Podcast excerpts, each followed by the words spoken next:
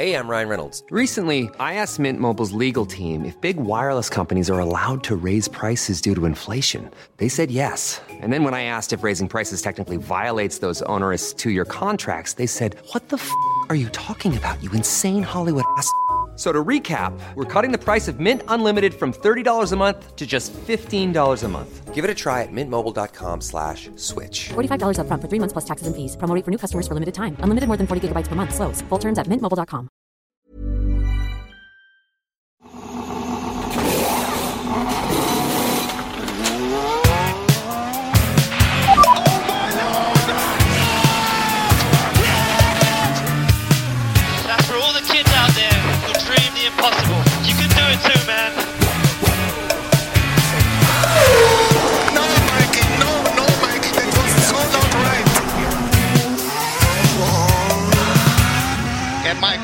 and steering wheel. Steering wheel, claps and steering wheel here. Det blev ett nytt överlägset race för Max Verstappen på sin hemmabana bland duvorna, bland bengalerna i det orangea havet. Zandvoort är färdigt med Max Verstappen som segrare. Återigen flyger fortfarande mot totalsegern. Anna, du var lite skeptisk innan när jag sa att jag gillade Sandvårtbanan och så sa du ja, det kan vara lite tråkigt DRS-race, DRS-tåg. Men du fick något helt annat den här gången va? Ja, verkligen. Återigen så fick vi faktiskt ett, eh, race där det hände mycket grejer och det, det blev eh, strategiska beslut som... Eh, Ja, i det här fallet kan man faktiskt säga att de var avgörande. Vi hade ett par avgörande säkerhetsbilar och de besluten som man tog, eller kanske inte tog, påverkade ju racets utgång rejält. Och det är, sånt är ju faktiskt eh, intressant, tycker jag. Det ger ju någonting mer än bara racing. Jag är positivt överraskad efter årets tävlingshelg i Nederländerna, måste jag säga. Mm. Det var eh, fina bilder där. Jag ska säga att min röst är lite basigare, inte på grund av bakfylla som förmodligen vissa tror eftersom att det har hänt förut i den här podden. Men vi gör alltså den här podden tidigt på morgonen 09.30. Tidigt på morgonen tänker vissa. Men det är ju tidigt på morgonen för mig eftersom att eh, på Aftonbladet så jobbar man ju i skift va.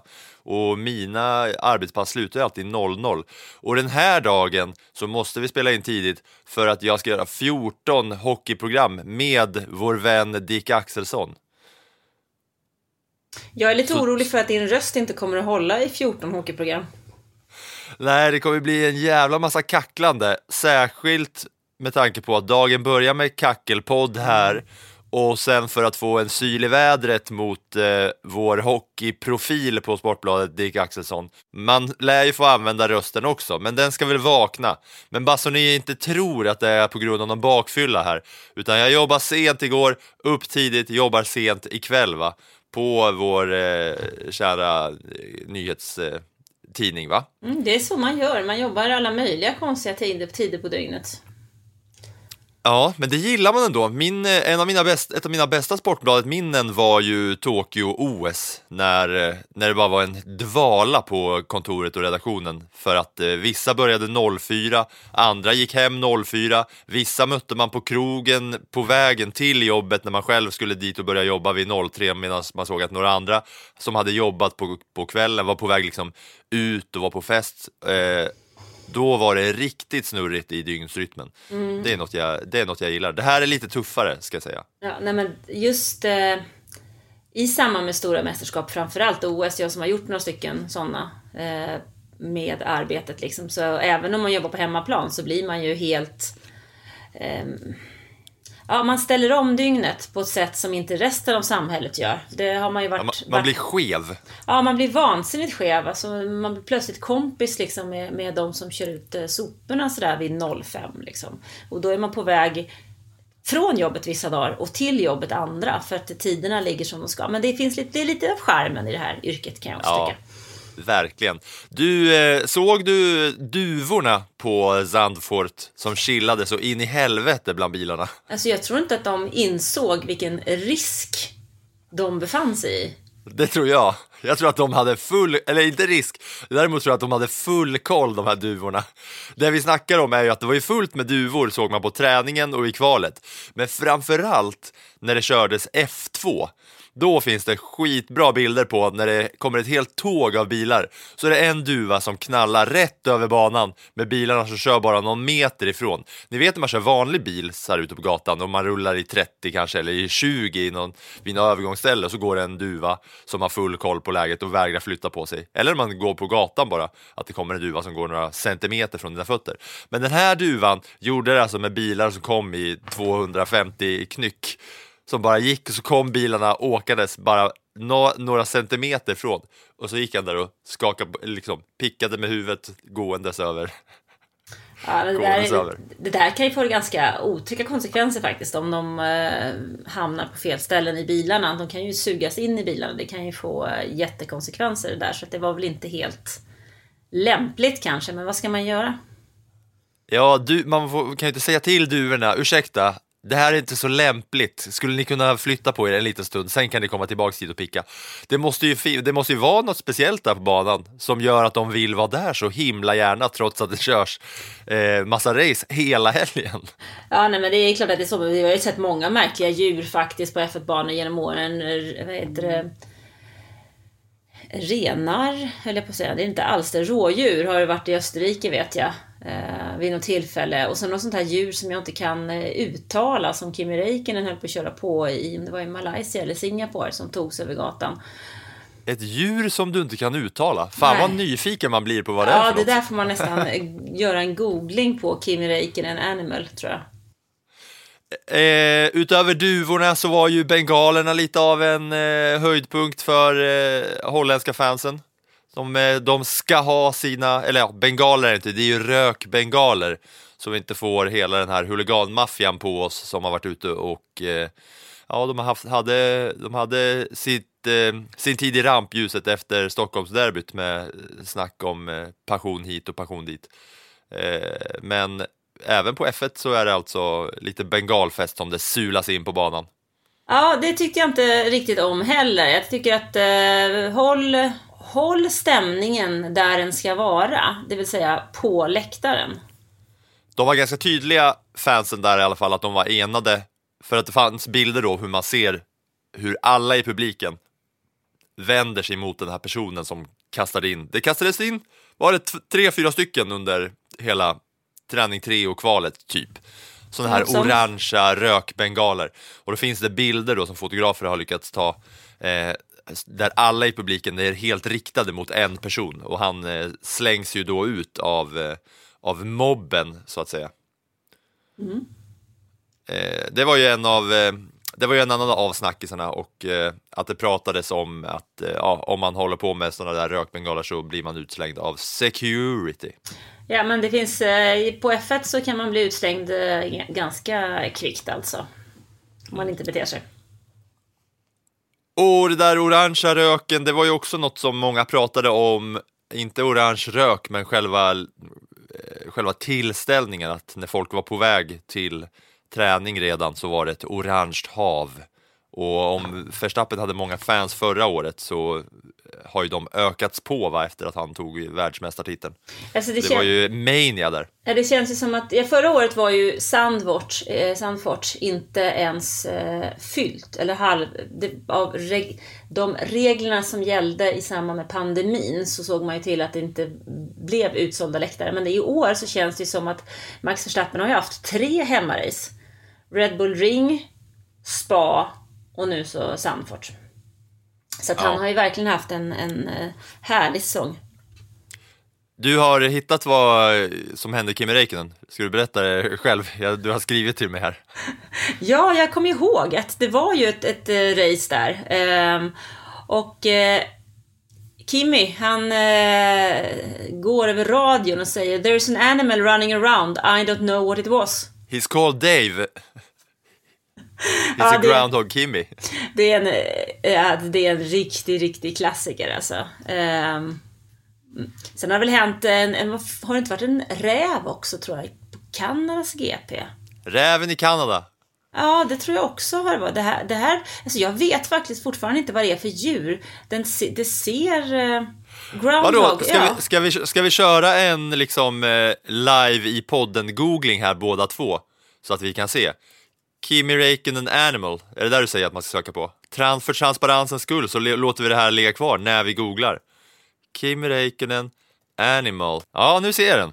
Vad är det för något? Är det inte en utter?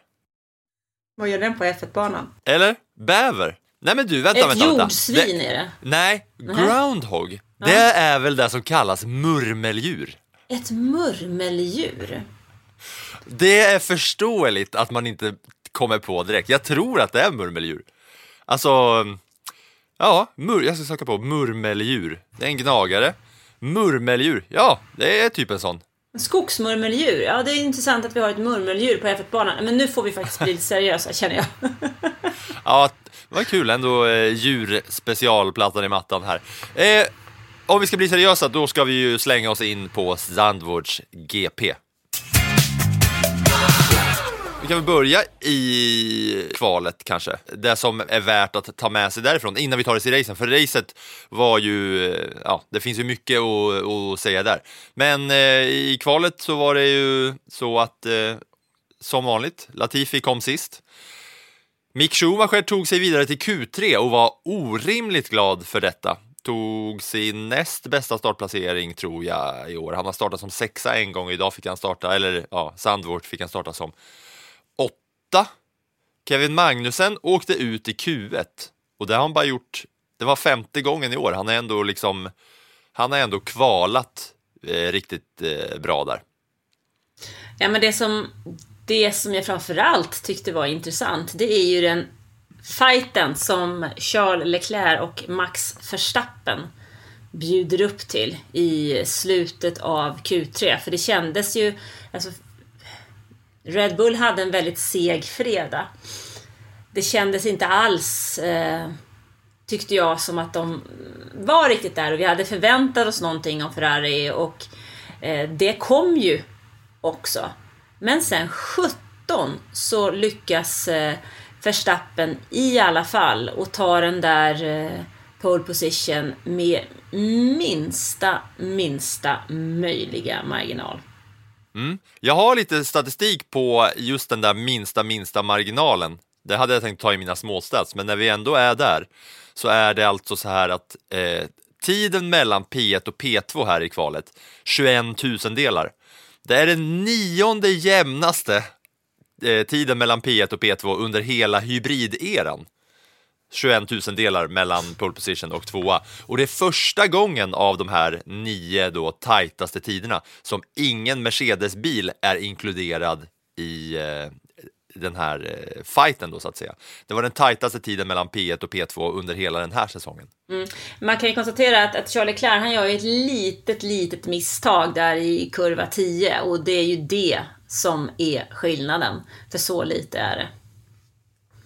Ja, och sen så snurrade Sergio Perez så att eh, det var några stycken som inte fick eh, en sista chans. Lite likt som han gjorde i Monaco va? när han själv hade tagit pole och sen kraschade så att det blev röd flagg och ingen fick köra i mål.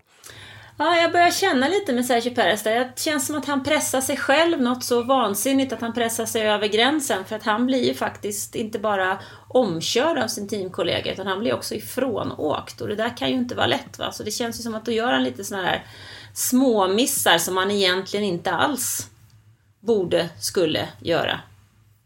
Han blir pressad av sig själv. Ibland så Ja. är det rolig. Lite ler hon där Anna. Han blir pressad av sig själv. Vi tar oss in på racet sen då som eh, startades eh, med Max Verstappen längst fram.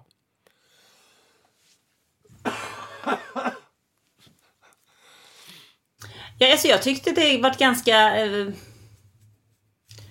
redan i början så kändes det ganska lugnt det där racet. Jag kände liksom jag hängde med rätt bra när jag satt och, och, och eh, live-rapporterade. Fingrarna var i bra form, det gick undan. Det kändes inte som att det var allt för komplicerat i början. Det var en liten incident där mellan i, i starten, men, men ändå så kändes det hur lugnt som helst. Fram till dess att jag fick fullständigt spel på Ferrari. Igen. Ja, ja eh, bara starten där, det var en grej som jag såg nu eh, idag här. Eh, det var en ganska städad start. De flesta startade på soft, men eh, Hamilton startade på medium och man var lite fundersam på okej, hur ska den här strategin utspela sig, särskilt i starten då, kommer de andra ha mycket bättre grepp än honom och så vidare. Men han gjorde ju en skitbra start, Lewis Hamilton, eh, och en del av eftersnacket har ju handlat om Mercedes och Hamilton, men eh, den här starten så har ju han och Carlos Sainz lite kontakt och då är det en snygg räddning av Hamilton. Och sen har Sainz då eh, dagen efter racet gått ut och sagt att ah, det blev en tuff dag för mig. Eh, vi tappade lite pace på grund av att vi slog ihop med Hamilton där i början. Det gjorde att vi inte kunde vara lika competitive som vi hade hoppats. Eh, det tycker jag känns som en jävla påhitt ursäkt. Amen. För nu ska vi komma till Ferrari, eh, så det är bara gå loss nu Anna, varsågod. Ja men tjenare! Visst, det är en liten incident där mellan eh, Sainz och Hamilton, men det är ju inte värre än vanligt. Det man däremot undrar är ju att äv- även om det inte hade hänt, så är det, är det ett jädra problem om man ska försöka köra en eh, F1-bil med tre hjul. För det var ju det som var det stora problemet, att Ferrari var inte redo när det var dags för eh, Carlos Sainz eh, första däckbyte. Utan de stod där med tre hjul. Så det där stoppet, jag tror att jag tittade, var, var det liksom 19 sekunder eller någonting som han stod stilla, eller var det 14? Det var i alla fall så lång tid att det kändes som en hel evighet. Och någonstans så tankarna Fatta hur det känns för honom när han sitter. när han sitter i den bilen och väntar. Men alltså, någonstans så bara känner jag, men Ferrari, vad håller ni på med? Är det inte det ena, så är det det andra. Eller så är det det tredje. Alltså någonstans, hitta vad man ska göra. Det strular ju alltid någonstans och jag börjar fundera över vad, vad är det som är problemet? Hade det varit något annat team som hade gjort exakt, exakt den här grejen så hade man ju, så hade man ju tänkt satan vad klantigt. Ja, ja, men det händer väl kan man tänka, men hur fan kan ni få liksom vara ett team i Formel 1? Hur kan ni tro att man ska ha tre däck framme till ett, till ett däckbyte? Men när det händer Ferrari, med tanke på hur deras säsong ser ut, så är det ju så att man måste ju, man måste ju nu ta det ett steg längre och tänka fan det är ju något fundamentalt fel där att det gång på gång ska få fortsätta. Men grejen är ju att visst, visst gör förarna misstag. Det gör de, även hos Ferrari. Det gjorde ju det även Carlos Sainz den här helgen. Ehm, men det känns ju som att det inte är för, bara förarna som gör misstag, utan det är ju en massa fel som sker runt om i teamet, i själva lagbyggnaden som egentligen är grunden och det fundamentala för att en förare ska lyckas. Utan lag så är ju Formel 1 och föraren ingenting, för det är de som ska lyfta honom och bära fram honom till att kunna göra det där alldeles lilla extra. Men det, det saknas ju eftersom det, vi tittar ju bara, hur många gånger har vi inte hållit på att radda upp Ferrari-misstag? Allt från strategibeslut och, och jag vet inte var jag ska börja, jag blir nästan matt och trött. Jag tänker bara hur det, där, hur det gick till när de ska ut till däckbytet. Okej, nu, byter, nu ska vi byta däck på Science här. Tar ni med tre däck eller? Ja, jag har tre däck. Eller, det är tre däck va? Ja, det är tre däck. Vi tar tre däck. Kom igen, nu kör vi. Ställer oss där ute med tre däck. Och sen kommer de och bara, vad fan, det är ju fyra däck på den här bilen. Hallå, vi måste ha ett fjärde däck. Och då ser man ju då när, när de kommer på att de saknar ett däck, hur alla bara så här stelnar till, lyfter upp sitt eh, skyddsvisir och bara kollar. Det är ingen som är liksom så här hetsig och snabb i rörelserna eller så pekar och skriker och vrålar utan alla ställer sig bara med armarna längs med kroppen, vinklar upp visiret och bara Hallå, hallå, hallå, Kommer det inget däck flygandes här eller? vad va, va är det som händer? Istället för att någon så här får total panik och bara vrålar som en dåre, att någon blir vansinnig på varandra. På något sätt som det kanske kan vara i sportsammanhang, peppande när man liksom eh, taggar till och man pushar varandra och man liksom, man är lite aggressiv i sitt kroppsspråk. Men här är det bara så här helt lealöst. Man verkligen. för, förlamar det och så lägger man mutterpistolen på ett sånt fantastiskt bra ställe att Perez kör över den också. Ja, det var ju i exakt samma depåstopp som där de inte har en aning om eh, däcket. Då är det på samma sätt då, den som har ansvar eller de då kanske är två, kanske är en, vad vet jag. Men den eller de då som har ansvar för den här mutterpistolen som ska byta det här fjärde däcket, den har de typ slängt ut på själva depårakan. Är inte så långt riktigt, men den ligger ju alldeles för långt ut. Så när Perez kommer där bakom och har gjort sitt byte, som såklart går på eh, ja, nolltid som vanligt, så så ska han köra ut och det går ju inte att köra rakt ut utan han måste ju köra över den där mutterpistolen. Som man då tänker, jaha, det där är ju liksom både fara för mutterpistolen som kan paja, vilket gör att när de kommer med sitt fjärde däck sen, då kanske den där mutterpistolen är paj och de ändå inte kan byta, eller att det skulle väl kunna gå hål på Peres däck på något sätt eller skada den, eh, den bilen. Ja, nej men överlag så känns det känns ju som att allt som kan gå fel går fel och det är ju inte längre så att det är något, man börjar prata om slarv, utan här känns det som att det är något fundamentalt fel i hela i lagbygget, i teamet. En för alla, alla för en. Vi jobbar tillsammans. Där behöver ju Ferrari, eh, alltså, att säga att de behöver steppa upp är ju för snällt. De behöver Ja, göra någonting radikalt här för att se till att allting funkar. Från minsta lilla gubbe, gumma, dammkorn i fabriken ut till de som ska leverera och köra hem resultaten. För det är ju det som är det fina, tycker jag i alla fall, med Formel 1. Det är ju att det är en lagsport. Det är ju inte bara förarna. De är ju ingenting utan sitt team. Nej, det är dags att slå Guido en signal. Ja, verkligen, det hade de behövt där. Huvuden måste rulla, egentligen, i Ferrari med tanke på att det inte bara är en gång. Alltså, eller två gånger, eller tre gånger. Det är ju, det är ju verkligen hur många som helst. Sen är det ju en grej till som är i Ferrari-depå-haveri när det kommer till Sainz. När han eh, kör ut, vad är det nu, mot, det är mot slutet där under, säkerhets, eh, under säkerhetsbilen som han kör ut precis framför, vem är det han kör ut precis framför? Alonso. Ja, det, är- det är Alonso som tvingas då tvärnita, då kör han ut för tight och då blir det en unsafe release heter det va? Precis, unsafe release, vilket gör att han får fem sekunders straff, eh, bestraffning på det och rasar i listan eftersom det är så pass jämnt. Eh, själv hävdar han ju då att han eh, eh behövde bromsa för han var för nära McLaren. Han bromsade för en mekaniker för annars hade han, han behövde i stort sett bromsa för att rädda livet på mekanikern från eh, McLaren. Men jag vet inte. Det där är lika mycket lögn som att eh, bilen tog skada och gjorde att de tappade pace när han och Hamilton nuddade varandra med en millimeter där i början. Efter hans konstruktion. Ja, alltså, jag har svårt att... Jag har liksom svårt att börja förstå och ta in hur man liksom kan klanta det en det ena. Så först det här vänstra bakdäcket då. Vad var det nu då? 13 sekunder eller någonting? 14 kanske. Så det tog en evighet. Och sen så kommer man till det här depåstoppet då. Och sen så ser man inte till att banan är fri. Det är ju grundläggande att banan Ja. ska vara fri. Och sen i efterhand då behöva komma med någon slags eh, lösning eller förklaring som också känns Ja, man allt undrar ju vad de gör. korrekt. Man undrar ju vad de gör efter det här tredäckbyt, tredäcksbytet när de då går in.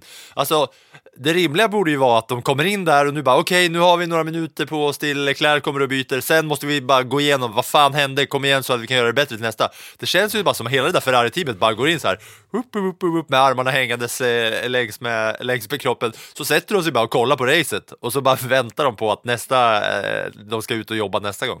Ja, men det känns som det är en snöboll som är i rullning och den rullar liksom inte direkt eh, i positiv riktning utan den rullar med bred fart nerför och det måste de, måste de, måste de ta tag i. Sainz får alltså fem sekunders tillägg för det där, vilket gör att han eh, blir av med position till Sergio Perez, Fernando Alonso och Lando Norris. Kanske i förlängningen att man skulle kunna säga att det var någon av de andra också, men rent eh, faktiskt när de går i mål så är det de tre som får passera honom på grund av de här eh, fem sekunderna. En sekund ifrån att tappa Ocon också för en nionde plats. Två sekunder, ja det är väl en och en halv då nästan, för att tappa även Stroll. Så det blev ändå tajt där för Sainz och då hade han varit tia om han hade tappat då en och en halv sekund till.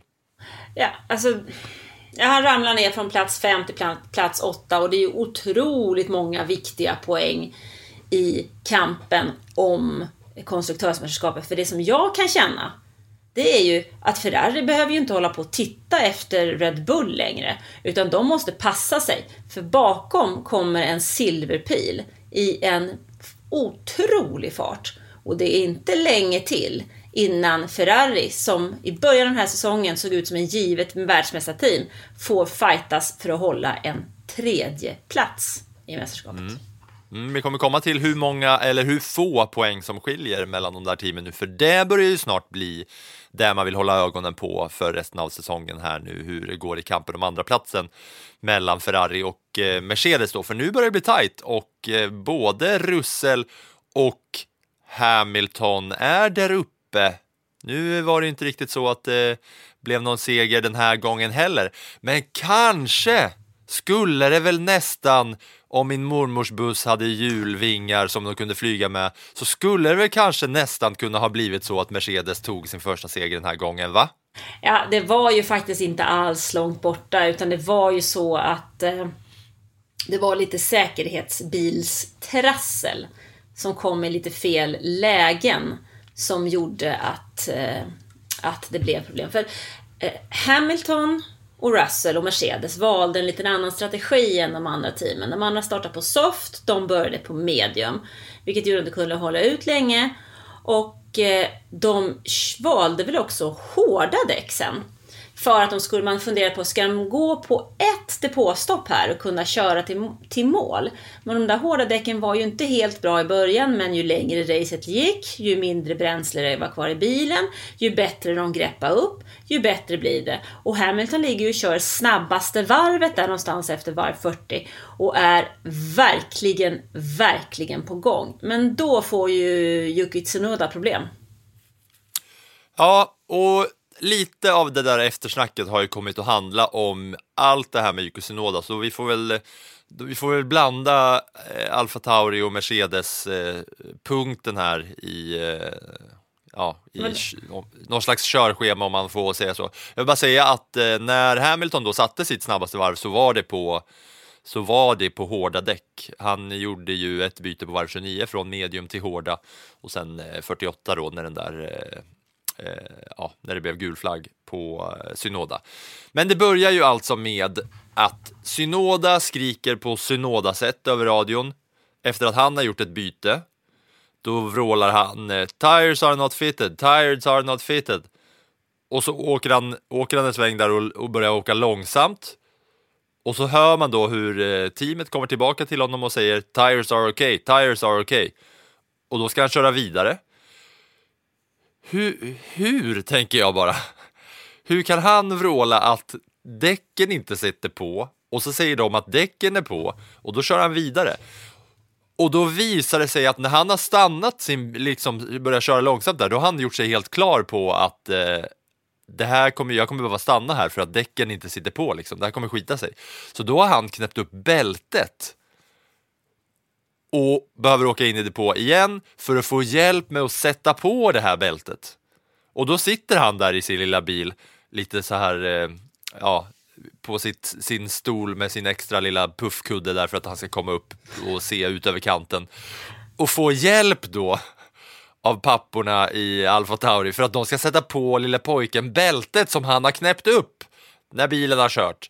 Och så får de inte på det där bältet. Så om Sainz satt länge där när de bara skulle byta tre däck så får ju Synoda sitta ännu längre för att få hjälp med bältet. Det kändes lite sådär som när mamma var, hade mindre barn och de satt i barnstol bak och fram och man liksom försökte få, få den här att sitta ordentligt medan de sprattlar med armar och ben. Fast nu sprattlar inte Tsunoda. Men det är trasslet som man håller på med där för att få dem att sitta. Man blir svettigare och svettigare och svettigare. Nej, jag vet inte. Det är också en sån där grej som det får ju inte hända. Men det kan hända. Och hade det varit Ferrari som hade gjort den grejen, då hade vi ju huggit huvudet av dem allihopa. Ja, och med all rätt. Men sen får han ändå köra ut då, efter att de får på det här bältet till slut och lyckas spänna åt det så att han sitter säkert. Please keep your head against the headrest, säger de väl också liksom i någon slags Liseberg-anda.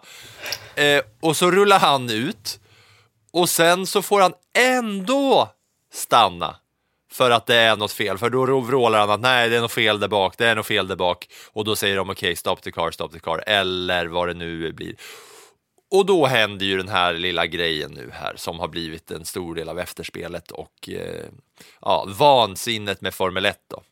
Ja, blir... jag, vet man, jag vet inte vart man ska börja, om man ska börja med det som händer rent strategiskt eller konspirationsteorierna efteråt? Vad tycker ja, men jag du? tycker vi kan börja med det som händer rent strategiskt. Det är att Hamilton har ju hårda däck. Eh, och det har Russell också.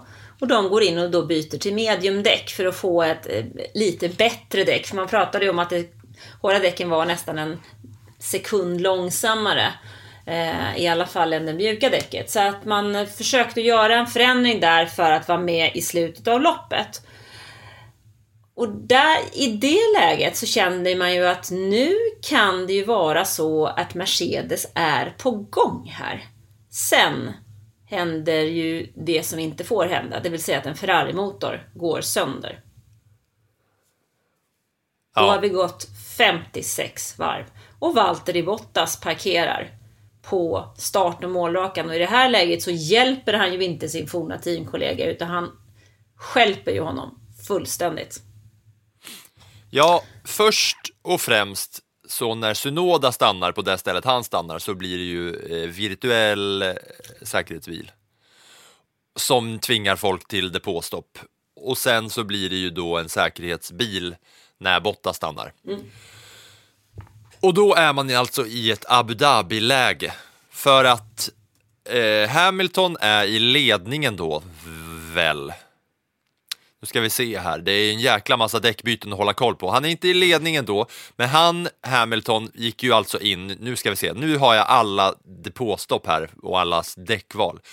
Synoda eh, tvingas ju stanna där och så blir det virtuell säkerhetsbil och då ser man då att alla bilar går in och byter däck på varv 48, 47, 48, 48, 47. Mängder av däckbyten där vid eh, 48, 47. Hamilton går då in och byter till mediumdäck. Och Verstappen går in och byter till hårda däck. Och sen så kommer den här säkerhetsbilen då. Eh, ja, även, eh, även eh, Russell går ju in likt eh, Hamilton på mediumdäck. Och då sen, när Bottas tvingas stanna på varv 56 är det väl? om man kollar nu på eh, en bild från då F1 med allas depåstopp så ser man att alla går in och byter däck på 56 eller varv 57 utom Lewis Hamilton som har kört till sig en sån passposition som gör att han har Russell bakom sig som ska kunna agera då lite bromskloss för de andra bilarna bakom. Men alla går in på mjuka däck. Mm, det och där går ju alltså Russell också in på mjuka däck. Och det gör ju Ja. att den där bromsklossen som Hamilton trodde sig ha, den, har ju, den försvinner ju. Och han är ju mycket, mycket väl medveten om vilken eh, problematik han ställs inför när de andra har mjukare däck. Eh, och jag var med på presstjosan där efteråt. Eh, man pratade med eh, Toto Wolf och han förklarade det där att han med att han vill ju hellre ta chansen och risken att vinna ett race än att sluta 3-4. Han menar på att vi hade kunnat ta in Lewis i depå och tappa banposition mot Verstappen och få stryk. Vi hade kunnat ta in båda två i depån och få stryk. Men då tyckte de att det var värt att ta risken att ta in George i depå för att se om han då kunde utmana Verstappen. Och det är ju Russell själv som tar initiativet till det här bytet när man hör på radion. Då vrålar ju han “Let's go for the soft” och så säger de först “Nej, ah, äh, uh, eh, okej box box” efter att han eh, säger “Let's go for it, let's go for soft” när han går in då eh, och sätter på de där mjuka däcken. Vilket gör i förlängningen då att eh, när säkerhetsbilen släpper sen så är ju Hamilton före Verstappen och ska sätta, ja, sätta pacen då. Och när, när Hamilton ska dra iväg så det blir inga problem för Verstappen för han har ju mjuka, mjuka däck som han kan, eh, som han har enkelt mycket bättre grepp än Hamilton, så han åker ju förbi. Och sen blir det ju då kamp mellan Mercedes-bilarna som skulle kunna slutat illa för det var nära ögat där Fast när jag- Russell körde om Hamilton. Ja, det var det ju, men de gillar ju att hålla det tight. Så att, eh, men jag vet inte om jag tyckte att det var så mycket fight. Utan jag kände att där kommer Russell att ta... Det var ju, däckvalet gjorde ju verkligen skillnad i det här läget. Va? Ehm, så att det kändes ganska givet att Russell skulle ta Hamilton där. Hamilton hade ju, han hade ju verkligen inte en chans med sina mediumdäck. Och det som var lite, det var lite rörigt där, för jag upptäckte, för jag var det är ju sådär när man sitter och, och lajvar så använder man ju liksom alla sinnen på en gång på något sätt och olika skärmar. Men det som eh, var lite knepigt där, det var att i den officiella grafiken i samband med Russells depåstopp så står det att det är Hamilton. Vilket gör att man får känslan av att Hamilton också har varit i depå fast han inte var det. Och det där gjorde ju att det blev lite rörigt där under en eh, stund. Ja. Och det ska vi väl säga då till dem nu som sitter här och såg Viaplay-sändningen att fan vad Anna och Filip, fan vad ni sitter och svamlar nu. Janne och de sa ju att eh, Hamilton gick in och bytte, men så var det ju inte. Det var ju, de blev ju fintade. För, bo, för Janne Blomqvist i Viaplay-sändningen, eh, den eminente Janne Blomqvist, säger ju då att, och Hamilton går in och byter däck också, för att i grafiken så står det ju, man ser att det kommer in en Mercedes-bil och i grafiken står det att eh, då har de laggat upp en tid på Hamilton hur länge hans depåstopp tar. Men går man tillbaks då och kollar så är det ju Russells eh, Soda Fizzy-pop-färgade eh, turkosröda hjälm som är där och inte Hamiltons gula HBTQ regnbågsflagga hjälm som sitter i den där bilen. Och förvirringen blev ju extra mycket i sändningen då när, när de då säger, Janne och gänget, säger att Hamilton har varit inne och bytt och satt på mediumdäck, för han rullar ju ut med gula däck då i så fall. Men då är det ju för att han aldrig har gått in och veta Nej. om att alla, alla bakom har ju eh, mjuka däck medan han själv sitter på medium. Eh, och man ser ju då här, de flesta hade ju slut på nya mjuka däck och alla går in och tar då, i och med att det bara från varv 57 till 72 kvar, alla går in och tar eh, nya använda softs. Mm.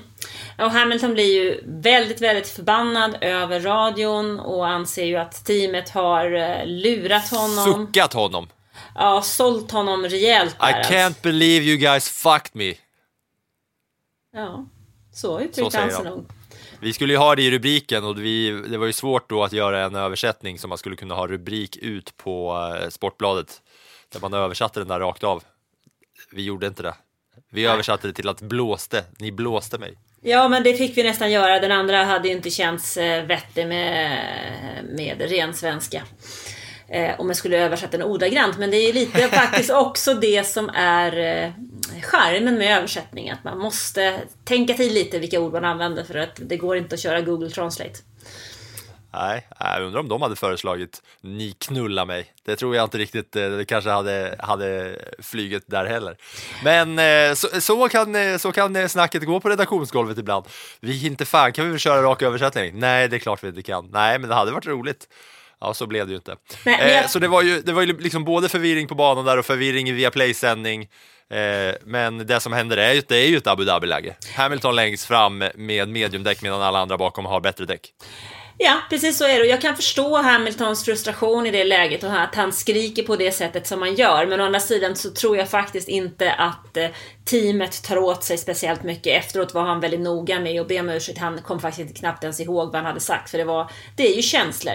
Han insåg att han, han och Mercedes var på väg mot den första segern sen i Brasilien förra året. Och det är så nära. Och sen bli blåst på segern i det där läget på det sättet som han blir. Så det är klart att det gör ont.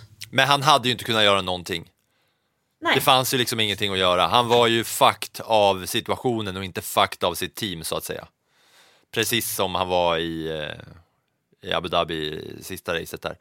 Eh, jag kom på, kom på, här att under samma gulflagg, och vi snackade om Ferrari-haverier förut, mm. samma gulflagg så kör ju Sainz om och Con trots att det klart och tydligt viftas med gula flaggor framför honom. Och det är då han sen kör ut ur depån framför Alonso. Det är under det här gulflagget. Så det var ju mycket som hände just där och då. Ja, men där känns, det känns ju som att Ferrari är ju inte i fas överhuvudtaget. Och det gäller ju eh, även Carlos Sainz i det här läget. Han är ju inte alls där han mentalt ska vara. Och det är väl också en frustration i att man inte når det som man hade hoppats på att kunna nå. Hey, I'm Ryan Reynolds. At Mint Mobile, we like to do the opposite of what Big Wireless does. They charge you a lot, we charge you a little. So naturally, when they announced they'd be raising their prices due to inflation, we decided to deflate our prices due to not hating you. That's right. We're cutting the price of Mint Unlimited from $30 a month to just $15 a month. Give it a try at mintmobile.com slash switch. $45 upfront for three months plus taxes and fees. Promo rate for new customers for limited time. Unlimited more than 40 gigabytes per month. Slows. Full terms at mintmobile.com.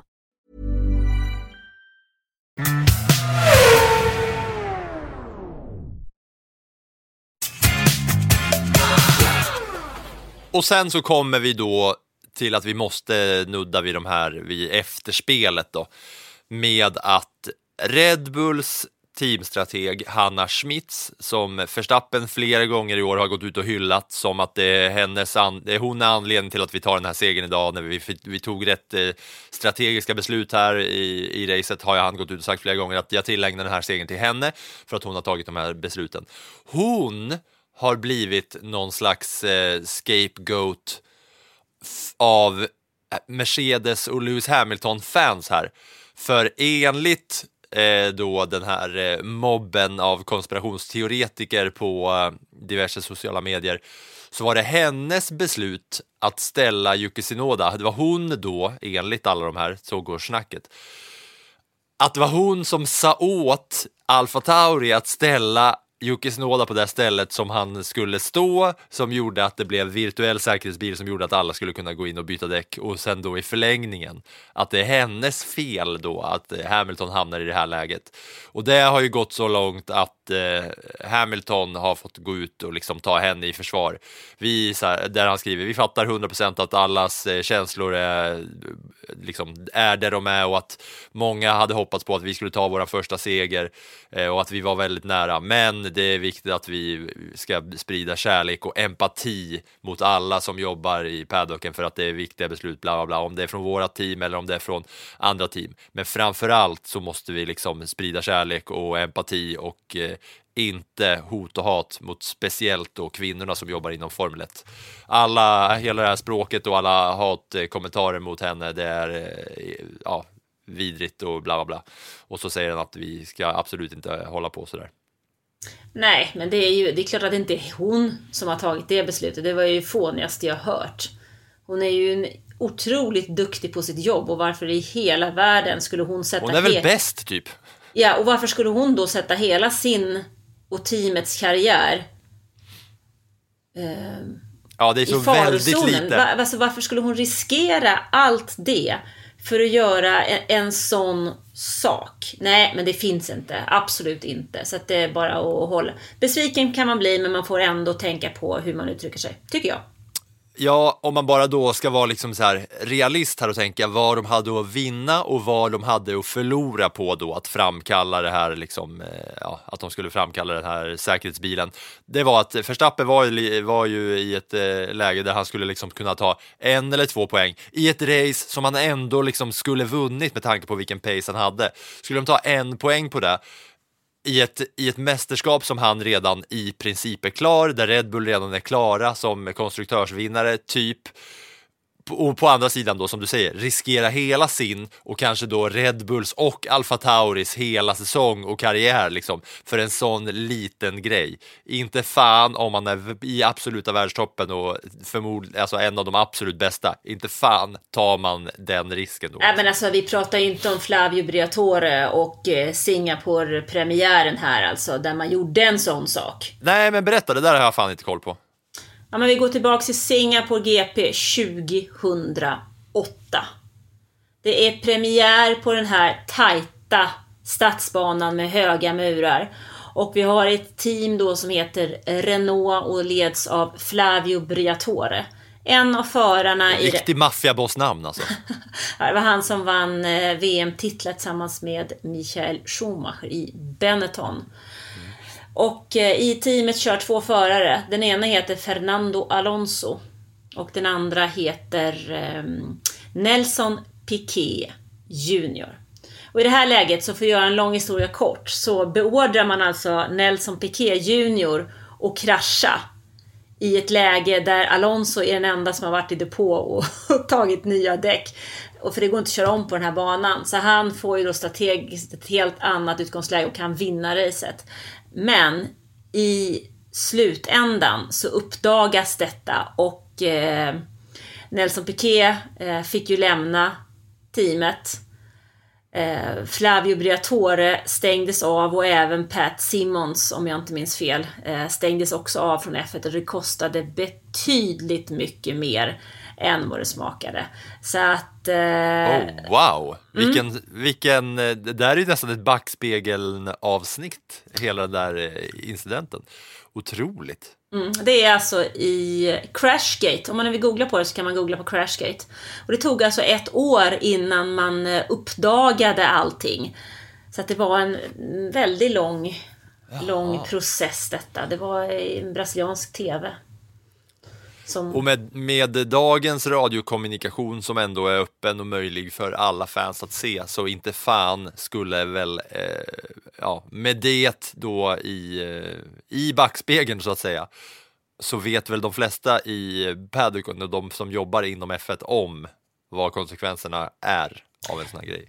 ja, men alla vet ju vad konsekvenserna är och i det här fallet så är det ju inte överhuvudtaget samma sak. Renault var ju Eh, ett team, ett annat, de vill ju absolut plocka, den där, plocka en seger. Max Verstappen, han har ju så många segrar att han liksom skulle kunna fika och ta det lugnt i en hel racehelg och ändå vinna VM-titeln. Så att nej.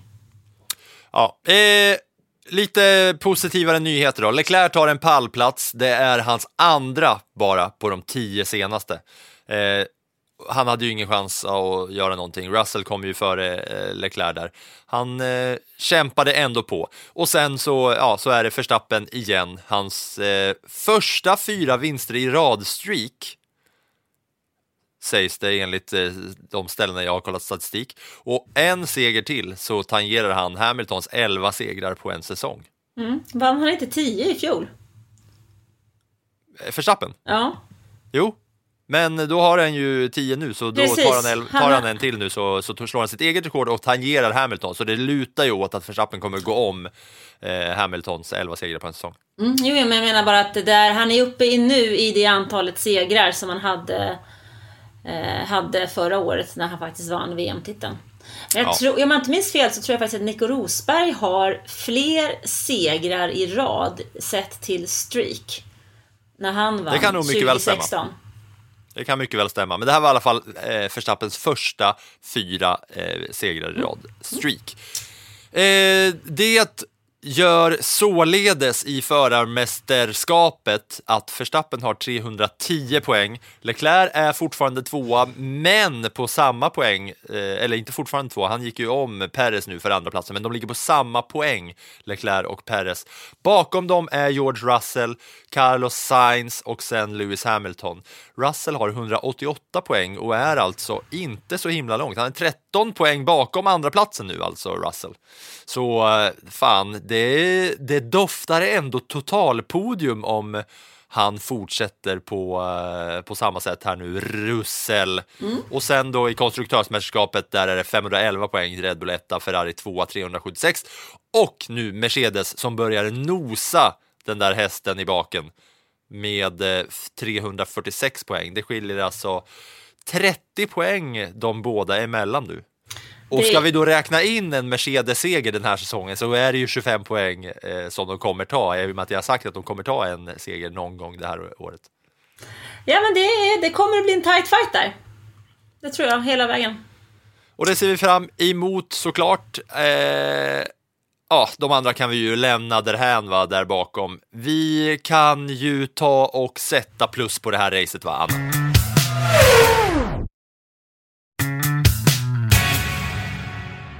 Vi börjar med en etta på Fettel. Jag tycker att han börjar se lite trött ut. Jag har ju envist hävdat att han minsann kommer att köra hela vägen in och han har varit med och värvat Alonso till det där teamet och så vidare. Men nu börjar det kännas som att eh, sommarlovet eller pension närmar sig. Ett på honom. Eh, däremot två plus går faktiskt till Alex Albon. För han har nu 12-3 mot Latifi i raceduellen. Och han vann mot kollegan för femte gången i rad. Och det är inte i något annat team som det är en förare som har ett så totalgrepp om sin kollega. Så att eh, någonstans känner jag att Latifi kanske vill stanna, men varför i hela friden skulle han få göra det? Ja, visst, det är två plus till Alex Albon. Jag vill bara höja ett varningens Fernando Alonso-finger här att det kanske inte är så jävla smickrande ändå för att Latifi är så jävla rutten. Så det är inte så, det är ingen konst att vara bättre än Latifi. Det vill jag bara säga. Nu får du ta tre plus. Ja, fast jag tyckte ändå att Alex Albon gjorde en bra insats. Absolut, två plus, godkänd ju. Men då kör vi tre plus Fernando Alonso. Enligt egen utsago så körde han nämligen 70 kvalvarv. Han var sexa. Kollegan Ocon nia och stallet är nu 24 poäng före McLaren där Norris återigen är helt ensam. Ja, eh, jag vill flika in där och säga att Fernando Alonso har tagit poäng i 10 raka race och när du säger att Norris återigen är helt ensam så har det dykt upp på Twitter lite små eh, bilder på så här bara när de, när de följer förarna när de är på väg till racet hur Daniel Ricciardo hörs säga till Sergio Perez när, man, när de så pratar om så här, ja, men vad ska du göra nu? Så här, och då hör man då, det är inte tänkt att det här ska gå ut, man hör i en mickupptagning från hela området där, liksom som man hör publiken och alla som går och knallar omkring, att han säger då taking a year off, then maybe come back. Det kanske vi kan lyssna på till och med bara snabbt. Ja, det är ju alltså skitsvårt att höra, men om man lyssnar riktigt noga, jag ska se om jag kan fixa något med ljudet här så att det Eh, lite enklare att höra. Taking a year off, come back in 24. Ungefär med det tonfallet säger han. Taking a year off, come back in 24. Vi testar att lyssna igen.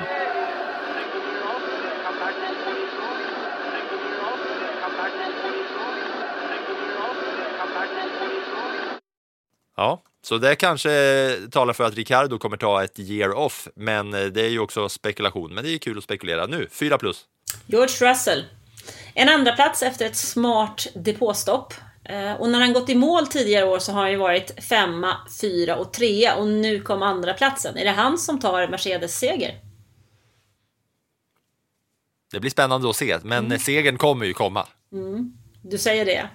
Eh, jag är nog inne på den, den också, men det har vi ju å andra sidan sagt. Jag tror jag sa det redan i början av säsongen också, att, att Mercedes kommer ju aldrig tillåta sig själva som team att vara så pass långt efter som de är nu, utan de kommer ju jaga ikapp. Frågan är inte om, utan när. Eh, nu är vi inne på 5 plus. Och det kan ju inte gå till någon annan än Max Verstappen. Alltså han kör ju med ett sånt fantastiskt självförtroende och nu har han de här fyra segrarna i rad. Alltså jag, det finns ingen som kan plocka en andra VM-seger från honom. Nej, Eh, det gjorde han bra som vanligt, Max Verstappen. Ska han få en liten applåd och en liten snutt av den nederländska nationalsången som vi har fått höra många gånger i år? Ja, det kan han få här. Mm. Eh, så. Motorstopp då? Ja, vad kan jag göra? Jag kan inte säga någonting annat än Ferrari. Det är kaos, kaos, kaos. Är det inte det ena så är det det andra. Alltså jag jag saknar snart ord och det krävs ganska mycket innan jag inte har några ord att säga. Ja, och det känns ändå, trots att vi har gått igenom och eh, hyvlat av dem så jävla mycket, så känns det som att vi ändå kommer återkomma dit. Ja, till att göra det igen och igen och igen. Tyvärr. Ja, då tar vi lite småstats.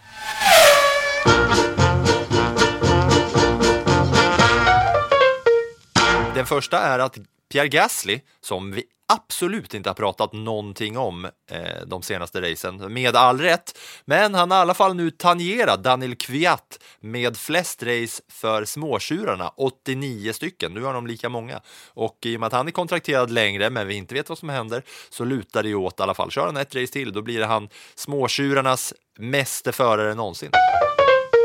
Nästa småstat är att det var andra året i rad som topp 5 startade exakt likadant när racet började. Alltså startgriden var exakt likadan i topp 5. Det är lite kul. Mm, det är ändå lite intressant att det kan bli så, men precis likadant såg det ut förra året. Nästa småstat är att det här var ett litet minijubileum för eh, vännerna George Russell och Lando Norris. För det var deras bådas 75 GP-start som de gjorde. Det är ju lite om man brukar räkna i 25 år med eh, jubileum då så här, så är det 75 GP-starten för båda. Men det är ju även så att båda fortfarande jagar sin första, första seger och båda har en andra plats som bäst. Så de är ju de är lite lika där, även fast du Russell är den starka av dem.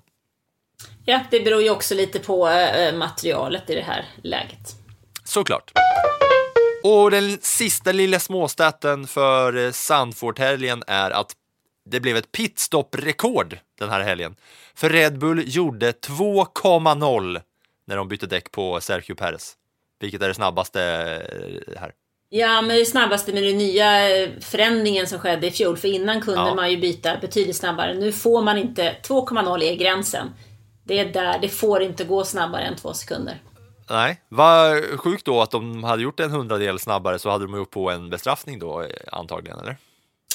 Nu är det, alltså det, det sitter ju en, en gräns där. ehm, för att det inte ska vara person, alltså personliga reaktionstiden kan inte vara snabbare än så. Så att eh, det är väl ändå bra att pricka den då. Otroligt av dem och eh, ändå väntat att det är de som eh, återigen gör rätt i depån för medan alla andra eh, och eh, framförallt ett team då gör fel. Ska vi damma av en liten mini snabb svensk koll? Ja men det får vi ändå göra för att Indycar eh, körde i helgen. Där eh, hade ju Marcus Eriksson en fjärde plats och inte alls speciellt många poäng upp till ledningen. Men han hade en tung helg, kvala in som på P18 i Portland och slutade 11. Och det var ju inte alls det som han hade förväntat sig. Eh, det finns ju för naturligtvis fortfarande möjligheter, men eftersom det är väldigt mycket poäng i Indycar. Men det ser ju svårt ut för Eriksson nu måste jag säga. Eh, Felix Rosenqvist slutade tia i det racet. Vad som var glädjande är väl att eh, Linus Lundqvist kommer att vinna Indy Lights nästa helg när man kör sitt Indy Lights Linus Lundqvist. Yes, han kommer att vinna nästa helg när han kör sitt eh, mästerskaps sista race i samband med Indycars sista race på Laguna Seca. Det är ju jävligt mäktigt. Eh, vad innebär det för honom då att vinna Indy Lights rent eh, så här historiskt och sportsligt? Vad händer med dem så att säga? Supertalangerna.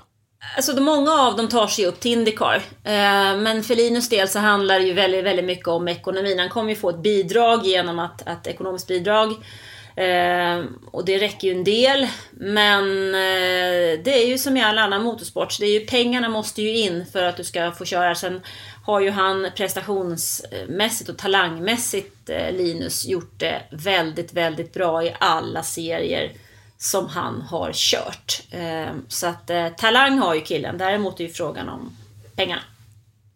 Mycket bra av Indy Lights Linus Lundqvist. Vi går ut på en svensk snabb nationalsång där.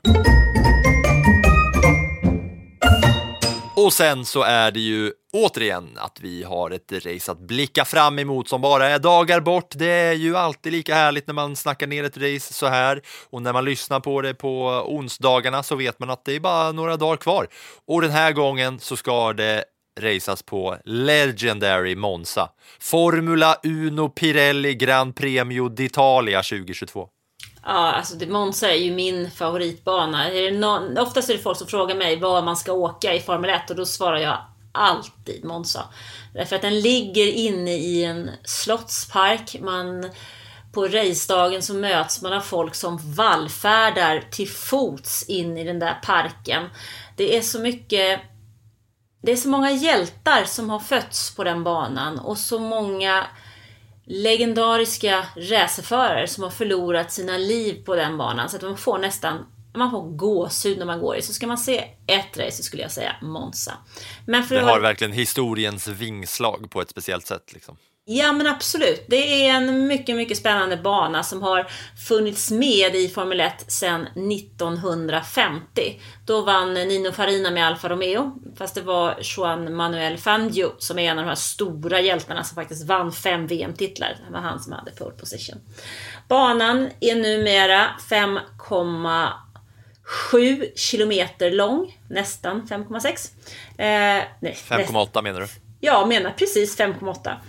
Ja, och siffror va, det borde ni ha lärt er vid det här laget. Mm. Eh, nästan 5,8 km lång, 53 varv, eh, kallas för Temple of Speed. Vi har 380 meter till första kurvan. Totalt är det 11 kurvor, 7 till, vänster, 7 till höger och 4 till vänster.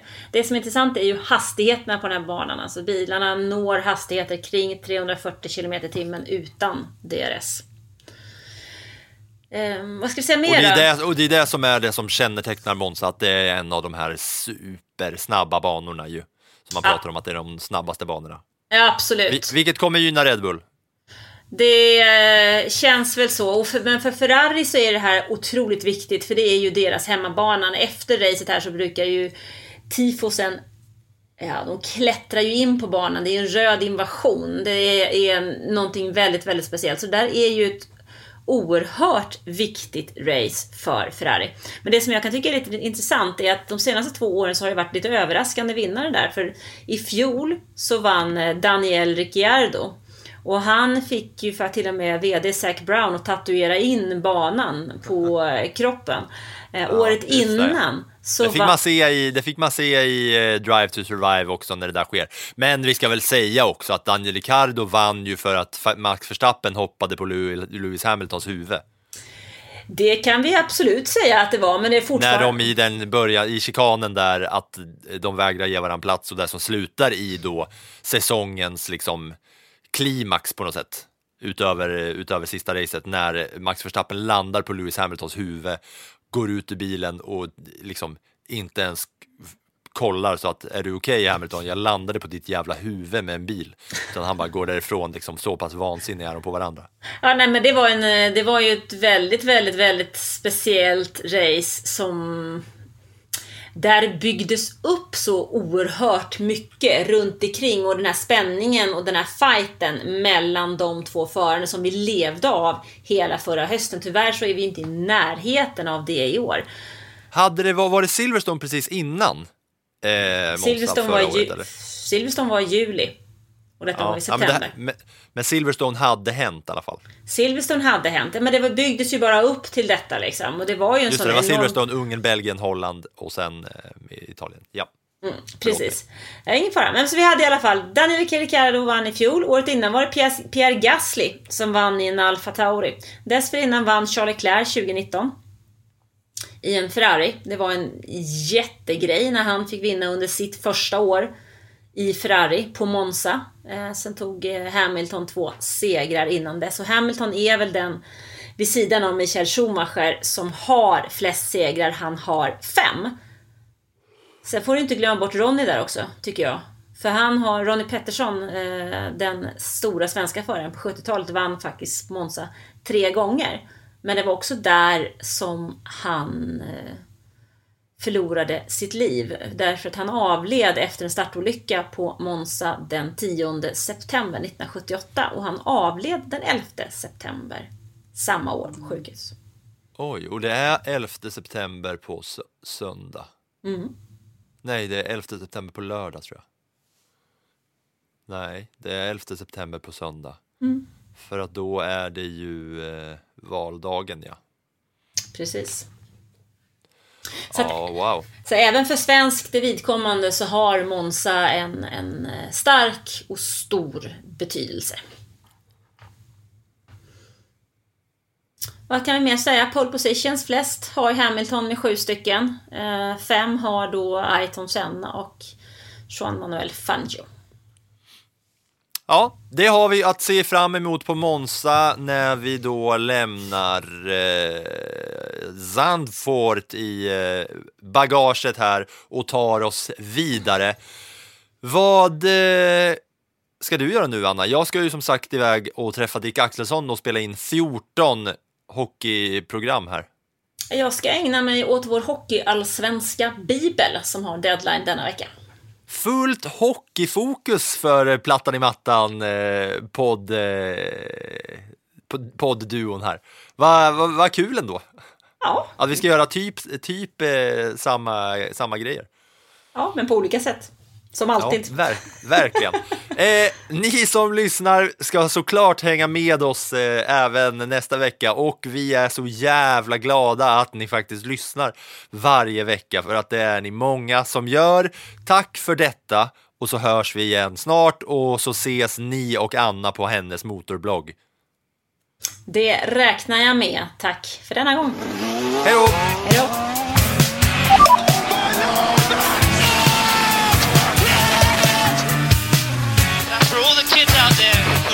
impossible. You can do it too, man. No, Mikey, no, no, Mikey, was right. And Mike laps and steering wheel.